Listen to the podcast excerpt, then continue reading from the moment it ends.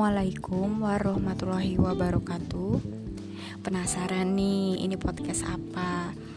Jadi, ini adalah podcast tata kelola pemerintahan. Perkenalkan, nama saya Latifah Zelina, mahasiswi FISIF ULM angkatan 2018 kelas SNSB penasaran nih apa yang mau kita bahas di podcast ini. Jadi podcast ini akan membahas mengenai uang nih guys.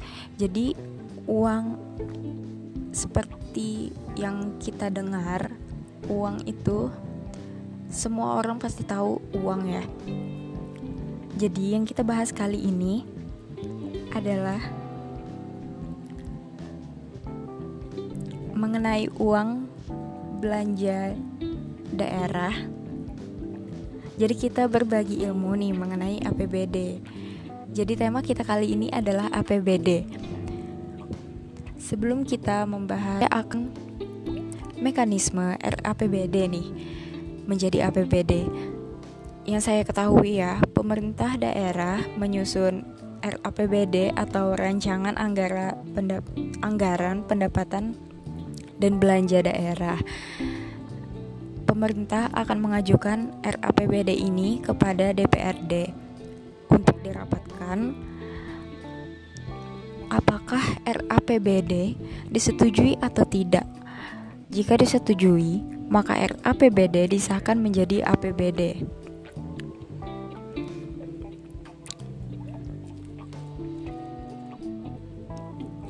Jadi kita akan perdalam nih mengenai APBD sedikit APBD merupakan salah satu instru instrumen kebijakan yang digunakan sebagai alat untuk meningkatkan pelayanan umum dan kesejahteraan masyarakat di daerah. Jadi setiap daerah itu memiliki uh, pendapatan belanjanya itu sendiri.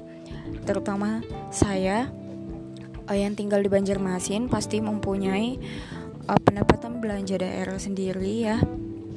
Tentunya Jadi di sini APBD itu adalah anggaran pendapatan dan belanja daerah yaitu rencana keuangan tahunan pemerintahan negara Indonesia yang disetujui oleh DPRD. Lebih jauhnya lagi di sini yang saya paparkan sedikit di RAPBD ini terdiri dari anggaran pendapatan anggaran belanja dan anggaran pembiayaan terkait pada pasal 11 ayat 2. Kemudian meliputi salah satu tahun mulai dari tanggal 1 Januari sampai 31 Desember pada pasal 4 ditetapkannya tiap tahun dengan undang-undang pada pasal 11 ayat 1 dan mempunyai fungsi otoritas, perencanaan, pengawasan, alokasi, distribusi, dan stabilitasi. Fungsi otorisasi ini APBD bisa melaksanakan pendapatan dan belanja daerah di tahun yang bersangkutan. Jadi di tahun yang ditetapkan oleh APBD ini. Kemudian fungsi perencanaan itu menjadi sebuah pedoman bagi manajemen di dalam hal merencanakan sebuah aktivitas atau kegiatan pada tahun yang bersangkutan. Sedangkan fungsi pengawasan sebuah pedoman untuk menilai apakah aktivitas penyelenggaraan pemerintahan daerah sesuai dengan ketentuan yang ditetapkan. Dan fungsi alokasi diarahkan untuk menciptakan lapangan kerja maupun mengurangi pengangguran serta meningkatkan efisiensi serta aktivitas per perekonomian. Kemudian fungsi stabilitasi menjadi alat memelihara dan mengupayakan keseimbangan fundamental perekonomian pada suatu daerah. Kemudian yang saya ingin bertahu nih saya ada contoh di sini alokasi APBN tahun kemarin 2019 di Banjarmasin mengalami kenaikan dibandingkan tahun sebelumnya. Dan pada tahun 2020 ini hanya sebesar 1,48 triliun. Sedangkan tahun kemarin itu ya 1,54 triliun. Adapun juga eh, pendapatan asli daerah pada RAPBD tahun 2020 dialokasikan sebesar 344,66 miliar yang meningkat 9,60 persen dibandingkan APBD tahun lalu hanya 314,48 miliar. Jadi di sini saya paparkan lagi bahwa APBD ini memiliki tujuan mengapa adanya penerimaan serta belanja daerah itu gitu. Jadi tujuannya ini membantu pemerintah daerah mempunyai tujuan fiskal.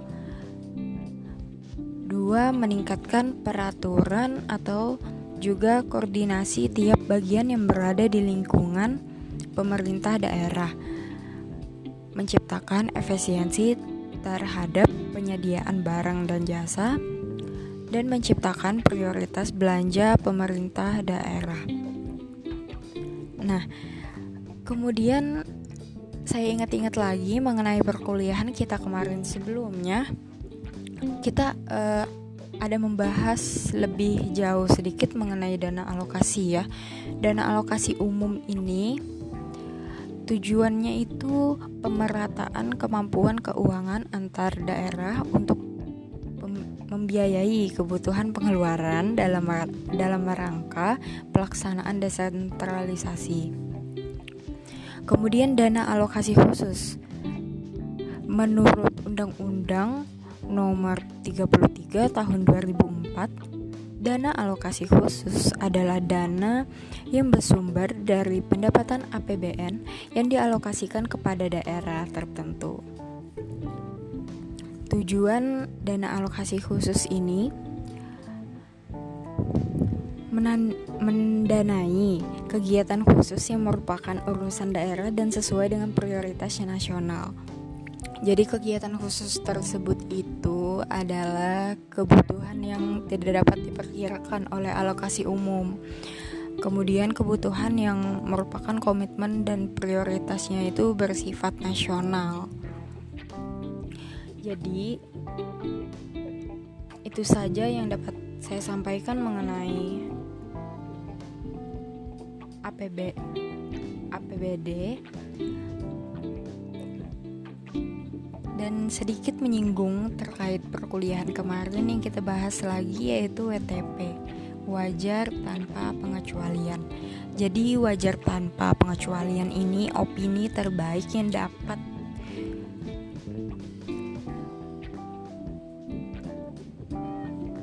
setelah diaudit oleh kantor akuntan publik. Jadi WTP ini suatu penghargaan ya uh, tentang laporan keuangan yang disusun oleh manajemen perusahaan masing-masing sesuai standar akuntan publik.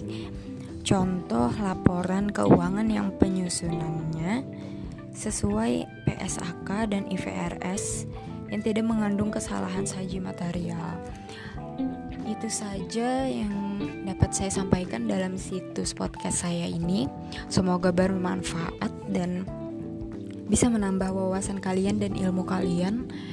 Sekian, terima kasih. Wassalamualaikum warahmatullahi wabarakatuh.